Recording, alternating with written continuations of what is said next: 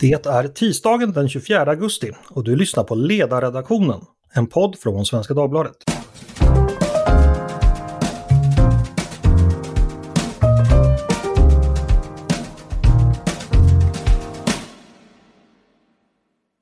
Välkomna ska ni vara! Eh, regeringen har som ni kanske vet aviserat att man vill ta bort det som kallas ungdomsrabatt när det gäller påföljder för unga som döms. Eh, och det har ju sedan länge varit ett krav från flera andra partier och frågan har diskuterats eh, i många år. Det är ju så att om man är under 21 år och får ett fängelsestraff så blir det nedsatt. Eh, och är det så att man är yngre än 18 så döms man vanligtvis inte till fängelse alls. Men hur rimligt är det att ta bort ungdomsrabatten? Hur ser argumenten för respektive mot ut? Vilka nackdelar och risker finns det? Eh, om det ska vi prata idag med min gäst som kan frågan bättre än de flesta andra tror jag. Nämligen riksåklagare Petra Lund. Välkommen hit Petra! Tack så mycket! Och du är ju här, ja, du är ju en framstående jurist, men du utredde ju nämligen det här förslaget om just slopade ungdomsrabatter för några år sedan. En utredning som hette SOU 2018-85 som hade att eh, svara på då frågan hur ungdomsrabatten skulle avskaffas. Ja, min första fråga till dig då. Den gången när du utredde så fick ju du det redan i direktivet att ungdomsrabatten skulle avskaffas. Du skulle utreda hur det skulle ske på bästa sätt. Hur var det att få en, ett sånt? Hur tog du an det utredningsuppdraget och vad tänkte du om det? Ja, alltså eftersom jag visste i direktiven att det var klart att det skulle bort så fick jag ju förhålla mig till det naturligtvis.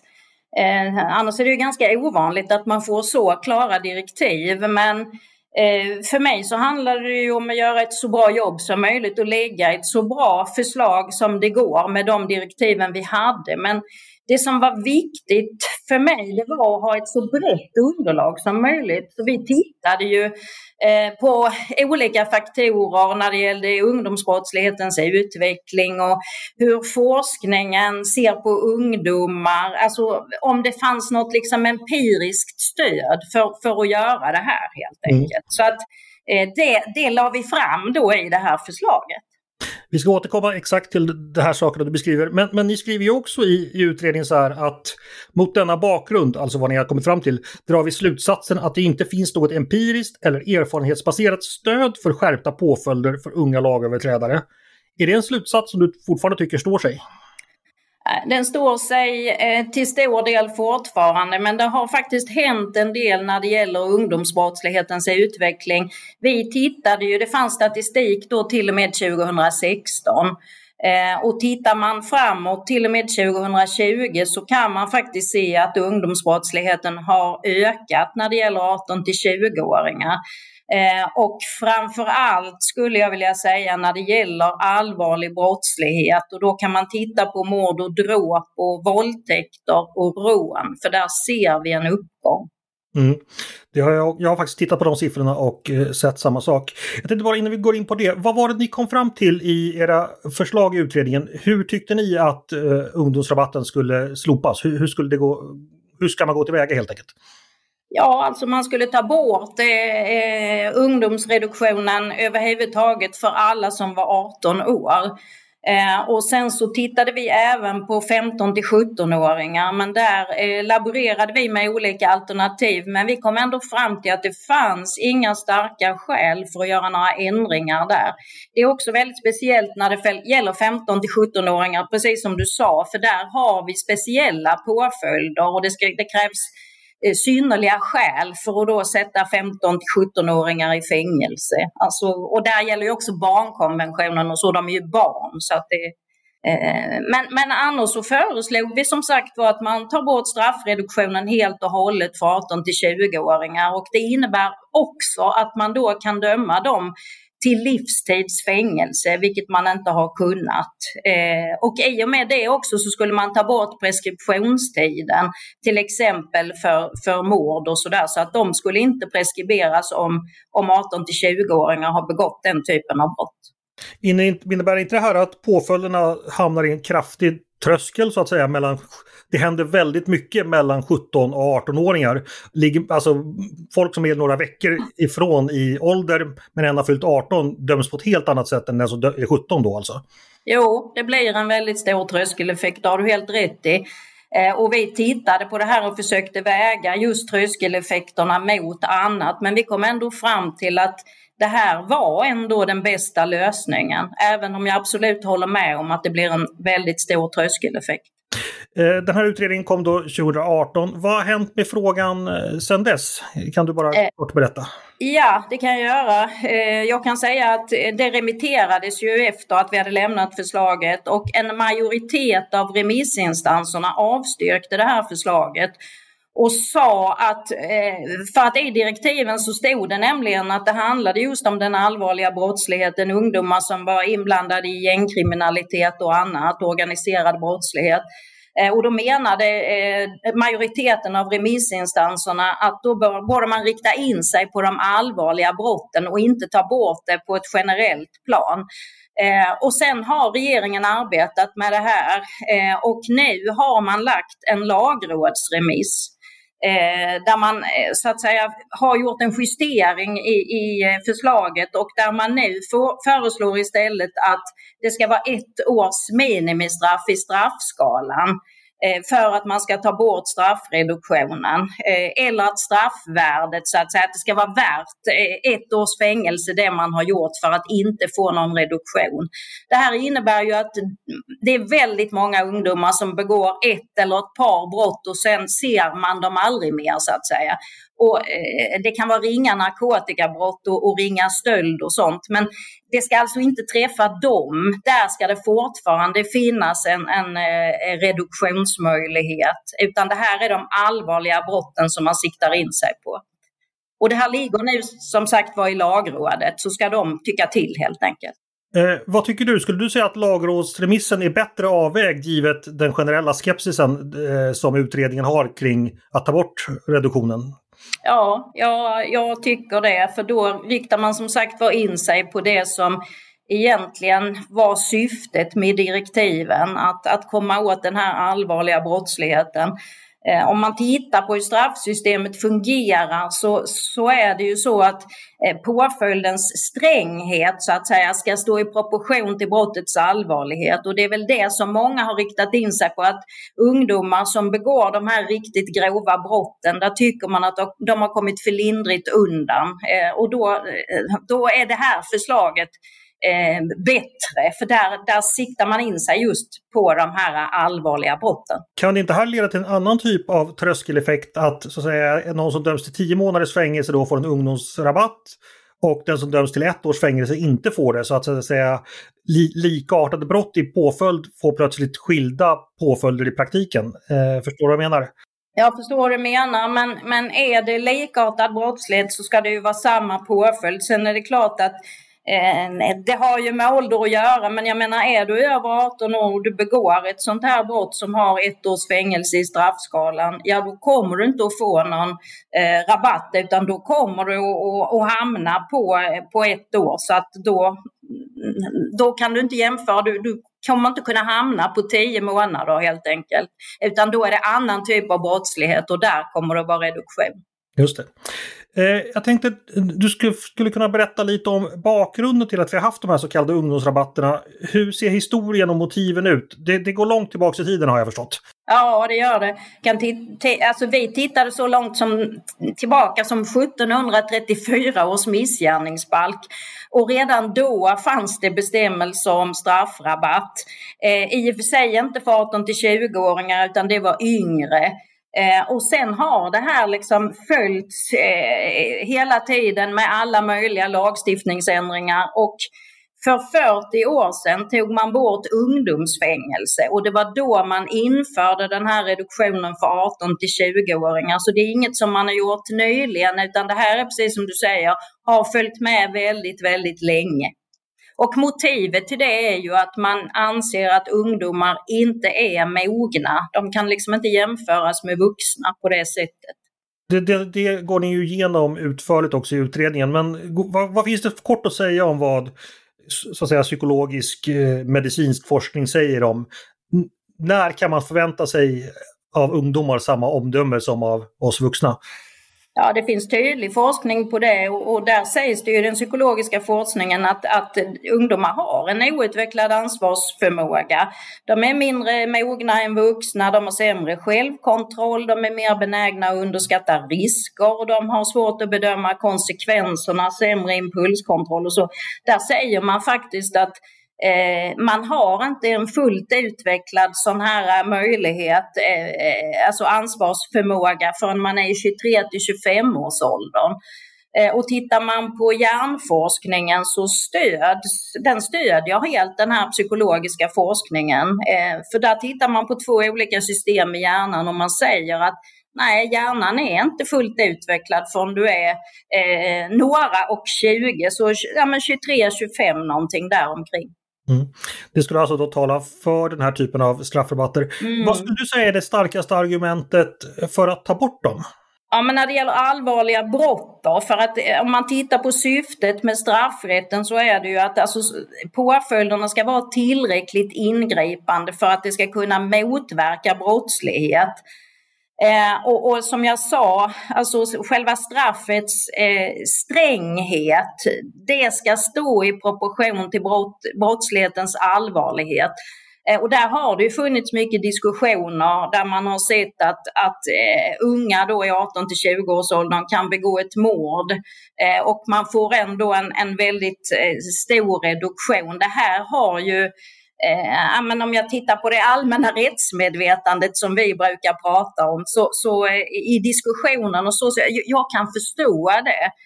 Eh, det. Det kan man väl säga att egentligen är det det som talar för att ta bort reduktionen. Ni gjorde ju också i din utredning 2018 en viss internationell utblick. Eh, går det att kort redogöra för eh, hur ser det ut i våra grannländer, hur ser det ut i Europa och övriga västvärlden när det gäller de här principerna? Ja, det kan jag göra. Eh, 15 till 17-åringar, där kan jag säga att eh, vi tittade på Norden och vi tittade på Tyskland eh, och alla har särregleringar här, det vill säga att man ska hantera då barn på ett annat sätt än vuxna. Men när det gäller 18 till 20-åringar så ser det olika ut i olika länder. Eh, och vi, man har valt att lösa det här på lite olika sätt. Om jag tittar till exempel på Finland så har de möjlighet att göra lite andra påföljdsval, till exempel att döma till villkorligt fängelsestraff eh, i större utsträckning. Eh, sen har de också möjlighet att eh, villkorligt frige en dömd person tidigare. Så om man skulle komma ut vid en viss tidpunkt om man var vuxen så kan de komma ut efter en tredjedel eller kanske till och med efter hälften. Island har precis samma system som Finland. Eh, Danmark finns det ingen särreglering. Eh, mer än när det gäller villkorlig frigivning och vad jag förstår så tillämpas det i de allra flesta fallen.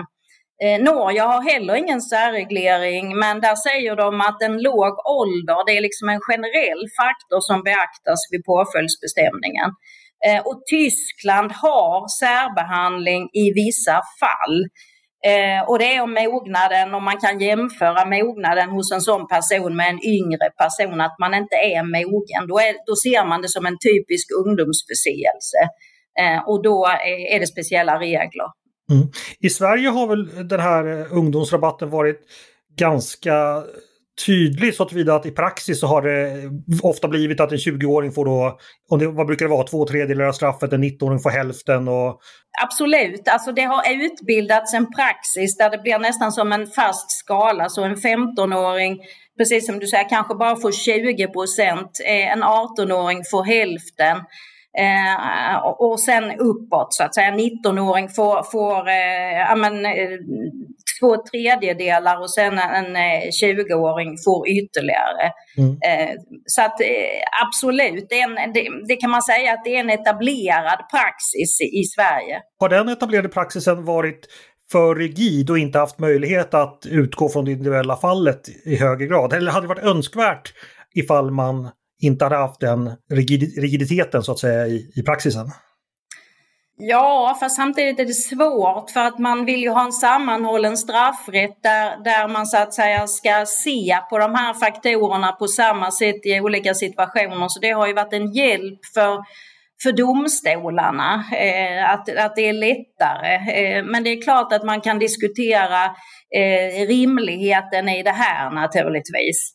Eh, och jag kan säga också att eh, på det sättet så, eh, så blir det ju ändå kanske bättre nu om det här förslaget går igenom med, med allvarlig brottslighet. Eh, att det, det, kommer oavsett, alltså om man nu tar, tar bort reduktionen för de här så finns det redan en generell bestämmelse i brottsbalken som säger att eh, om man kan visa att en viss gärning eh, begås av någon då som, som har eh, mindre erfarenhet eller är, är, inte är tillräckligt utvecklad så att säga. Och, och det har ett samband med gärningen. Eh, Eh, ja då, då kan man eh, sätta ner straffet. Den kommer ju gälla fortsättningsvis också. Mm. Eh, vi ska återknyta till en sak du sa i början. Ett av eh, argumenten som framfördes i din utredning var ju att ungdomsbrottsligheten då med siffrorna ni hade då fram till 2016 inte hade ökat. Du har ju, och det har jag också, tittat på siffrorna då från eh, fyraårsperioden 2017 till 2020 och där är ju de här mord, dråp, Eh, grov våldtäkt och även våldtäkt tror jag jag tittade på. Där har det ju faktiskt ökat en del när det gäller unga. Eh, då faller kanske lite den invändningen mot, eller hur, hur resonerar du kring det? Ja, men det är lite så jag tänker att Eh, när vi tittade på det här då var det ju tydligt och vi tittade på en tioårsperiod att det hade gått ner och det hade gått ner eh, egentligen i alla kategorier eller i alla fall inte ökat. Men nu kan vi se en ökning när det gäller den allvarligaste brottsligheten. Eh, och det kan ju i sig motivera att man då väljer att göra det här eh, att man tar bort reduktionen för de allra allvarligaste brotten. Jag tänker också att det här är ju en fråga som står högt på den politiska dagordningen. Den har förts i ganska högt tonläge tidigare. Nu verkar det politiska pendeln ha slagit över. Men människor då, även politiker och kanske vi vanliga människor, verkar bli väldigt engagerade och ibland också provocerade av vad som uppfattas som ovanligt låga straff. Hur tänker du kring det? Kan du förstå den diskussionen? Och, men hur påverkar det så att säga själva lagstiftningen? Finns det en risk att lagstiftningen hamnar i ett läge där engagemang och provokationer kanske får för stort utrymme? Ja, men jag kan förstå diskussionen för det är klart att det kanske kan sticka i ögonen. Eh, men eh, när man då ser att en, en 19-åring som kanske har begått ett mord eh, får ett straff som man tycker inte står i proportion till själva gärningen. Men samtidigt så ska man inte glömma bort den här andra sidan då att det finns en anledning till att vi har de här straffreduktionerna. Och det är just det här med, med att man inte är kapabel fullt ut att ta ansvar för sina gärningar och att man inte är så mogen att det alltså finns klara forskningsresultat på att hjärnan eh, inte är fullt utvecklad och det är ju det som ligger bakom eh, att man har haft straffreduktioner under många, många, många, många år. Eh, så att eh, absolut, jag kan förstå att det kan, eh, att det liksom, debatten är sån och sen kan man ju säga att ja, vi har ju myndighetsålder som är 18 och så, så att det är väl också något som underbygger, då ska ju man vara beredd att ta ansvar för sina gärningar. Men, men som sagt var, just när det gäller straffrätten och så, så har man tittat mycket på forskningen och, och som sagt var, det kan man konstatera att forskningen är enhällig, hjärnan är inte fullt utvecklad. Och det tycker jag kanske har lyfts upp lite för lite i debatten, vad det är som ligger bakom. Ja, precis. Det var ju andra delen av min fråga. Finns det risk att befara att eh, den politiska pendeln nu slagit om beror på att det har blivit för mycket känslor i diskussionen och att man helt enkelt gör någonting överilat? Hur ser du på den risken? Ja, men jag tror att det är viktigt att visa med eh, jurister och hålla på mycket med straffrätt, att vi faktiskt eh, men har möjlighet att, att eh, förklara vad det är som ligger bakom det här. Vi vill ju ha ett sammanhållet straffrättsligt system. Det får liksom inte sticka ut hur som helst utan eh, man ska vara lite försiktig när det gäller straffrätten och göra ändringar. Men det hindrar ju naturligtvis inte att man kan eh, ändra uppfattning över tid och det kan man göra med hela straffsystemet. Men jag tror att det är viktigt att lyfta fram den här typen av aspekter. Att vad är det som ligger bakom och så vidare. Eh, och när det gäller som sagt för den allvarliga brottsligheten, det var ju det egentligen som regeringen ville eh, komma åt med direktiven och då tycker jag att det här är en bättre lösning att rikta in sig bara på den allvarliga brottsligheten så att det inte drabbar alla som är i 18 till 20 års åldern och som begår ett brott och då kan det vara ett ganska, eh, alltså ett mindre allvarligt brott, typ ett ringa narkotikabrott eller någonting. Mm. En fundering jag har, det talas ju ofta om de mord som begås i gängsammanhang och så vidare. Kan inte straffrabatten snarast ha utgjort ett incitament till att man har övertalat eller pressat yngre personer att begå grova våldsdåd just för att de kommer undan bättre än vad de kanske mer seniora medlemmarna i gänget skulle göra? Jo, så är det säkert. Eh, och det är också någonting som vi inom Åklagarmyndigheten har fört fram till regeringen att eh, vi tycker att man borde så att säga titta särskilt på de här personerna som involverar de här unga i brott. Kan man eh, visa att de har gjort det, ja då ska det också kosta ordentligt. Eh, och jag kan säga att eh, den frågan har lagts i en utredning hur man ska se på det här när, när vuxna involverar unga i, i eh, organiserad brottslighet och gängkriminalitet. Eh, och i eftermiddag så kommer det ett eh, betänkande som handlar just om, om gängbrottslighet och så vidare och där kommer det nog att finnas någon form av förslag på den här frågan för den har legat i deras utredning. Tänkte, du har ju arbetat eh, inom rättsväsendet länge. Eh, den här diskussionen om, om ungdomsrabatter och sådär, den har ju också pågått länge men kanske inte Ja, det har pågått några år i alla fall. Är du förvånad över hur, hur frågan har utvecklats? Eh, eller tycker du liksom att det är, är, logiskt att det har blivit diskussion om det. Hur, hur tänker du kring det om du tittar liksom bakåt 10-15 år i tiden?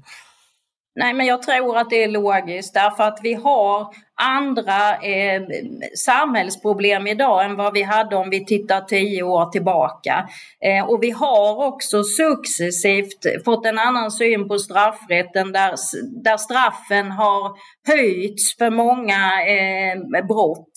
Eh, så att eh, jag tror att det ligger i linje med det att man tittar över alla delar. Eh, om du får försöka göra lite prognos eller bedömning om vad som händer framöver. Hur, hur, vad tror du händer med frågan här vidare? Det är förstås politikerna som bestämmer i slutändan men, men, men från ditt perspektiv, vad förväntar du dig? Eh, nu som sagt var så ska lagrådet titta på det här förslaget och ta ställning till hur det förhåller sig till, till övrig straffrättslig lagstiftning. Eh, men jag tror inte att de Alltså, eh, de kan säkert komma med lite invändningar och sådär, men om det går igenom det här eh, förslaget så tror jag ju att regeringen kommer att lägga en proposition på det här. Och jag, jag vet ju inte om man vill gå längre för en majoritet av, av riksdagspartierna men jag tror ju att det här är någonting som kommer att gå igenom. Eh, eh, det tror jag. Jag tror att det kommer att bli så här. Mm.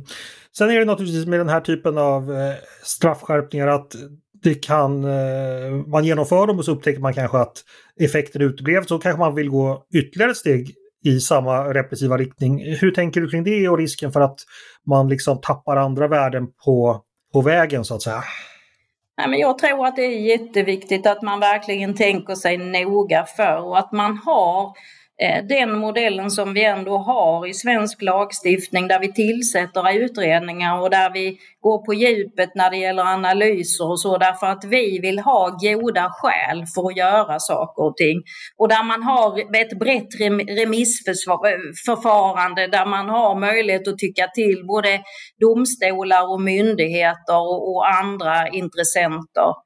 Eh, för jag, eh, jag tror att det är oerhört viktigt och särskilt som sagt var inom straffrätten att man verkligen tänker sig för vad man gör och att man tittar på varför det ser ut som det gör. Sen är det klart att, att eh, menar, utvecklingen går Eh, samhällsutvecklingen pågår hela tiden och det måste man liksom parera och man kan ändra syn och så vidare. Men det är viktigt att vi har ett sammanhållet straffrättsligt system. Mm. Eh, en generell fråga, som du säger, vi har stora samhällsutmaningar när det gäller just eh, brottslighet just nu. Det står högt upp på den politiska agendan. Om du ska försöka göra, det blir naturligtvis kanske väldigt spekulativt och översiktligt, men, men hur stor roll har påföljder och straff i den liksom totala mixen när det gäller samhällets reaktion på den här grova brottsligheten tror du? Är det, har vi för stort hopp till att bara vi låser in dem så kommer det ordna sig eller finns det trots allt någonting där som kommer kunna användas effektivt. Man kan ju säga att om man låser in dem så visst man får bort dem från gatan men det kan faktiskt också vara kontraproduktivt. Det är något som vi tittade på i våra utredningar också för det finns ju också forskning som eh, visar att man kan så att säga eh, eh ja, verkligen eh, befästa sin kriminella identitet, man träffar andra och så vidare. Så att, det är jättesvårt att säga. Jag tror att det behövs så mycket annat. Eh, det är klart att det här är en, en vad ska jag säga, liksom tydlig markering att samhället inte accepterar det här eh, och att man vill att det ska vara avskräckande eh, på alla sätt och vis. Det är ju det man vill komma åt, att man, man ska hindra den här typen av brottslighet. Men eh, det är så mycket kan jag säga att det kommer inte att räcka med att höja straffen utan det här handlar om att jobba förebyggande också på ett helt annat sätt. Eh, och börja tidigt och här måste hela samhället hjälpas åt. Det är allt från förskola, skola, sociala myndigheter och så vidare. Så det, det är ett komplext problem. Det är det verkligen och så brukar ju de flesta insatta svara också. Eh, jag tänkte avslutningsvis, finns det någonting i den här frågan, du som ändå kan ämnet bättre än alla andra, som du tycker är lite underrapporterat eller som folk kanske inte tänker på, som du skulle vilja lyfta fram, som du tror är viktigt, eh, som inte syns i den dagliga diskussionen? Nej, men jag, det jag egentligen tänker på det är det här att det är så väldigt lätt att falla in i det här att man tycker att straffen ska vara hårdare och så vidare. Men att försöka titta på vad som gömmer sig där bakom, varför ser det ut som det gör? Eh, och titta på just om de faktorerna eh, på något sätt har ändrats. I detta fallet så forskningen har inte ändrats. Jo, den har ändrats men den har snarare ändrats åt andra hållet. Att man har kommit fram till att hjärnan är ut, utvecklas senare än vad man trodde tidigare. Eh, men däremot så kan man ju som sagt då titta på, på ungdomsbrottslighetens utveckling och så. Men, men att försöka se lite bredare än bara till själva eh, kravet på hårdare straff. Att just titta på eh, hela frågan och komplexiteten. Sen är det svårt, förstår jag, att lyfta fram det till allmänheten. Men men kan man på något sätt få lite av den varan så tror jag att man har vunnit en del. Vi gör vårt bästa för att lyfta upp frågan till allmänheten här i podden i alla fall. För den allmänhet som lyssnar på det här har i alla fall, tror jag, fått lite bättre insikt i de här avvägningarna. Stort tack Petra Lund för att du ville vara med och eh, berätta om detta. Tusen tack! Det var alltså riksåklagare Petra Lund eh, vi precis pratade med som utredde frågan om slopad så kallad ungdomsrabatt på straff 2018. Ni har lyssnat på Ledarredaktionen, en podd från Svenska Dagbladet. Hör gärna av er till oss på redaktionen med tankar och synpunkter. Eh, det här är ju ett ämne som jag vet engagerar, så mejla eller ring jättegärna eh, om det. Eller om det är så att ni har idéer och förslag på andra saker vi ska ta upp i framtiden. Då är det bara att mejla till ledarsidan snabel svd.se. Med det ska vi tacka för idag. Eh, dagens producent, han heter som vanligt Jesper Sandström och jag heter som vanligt Andreas Eriksson. Jag hoppas att vi hörs igen snart.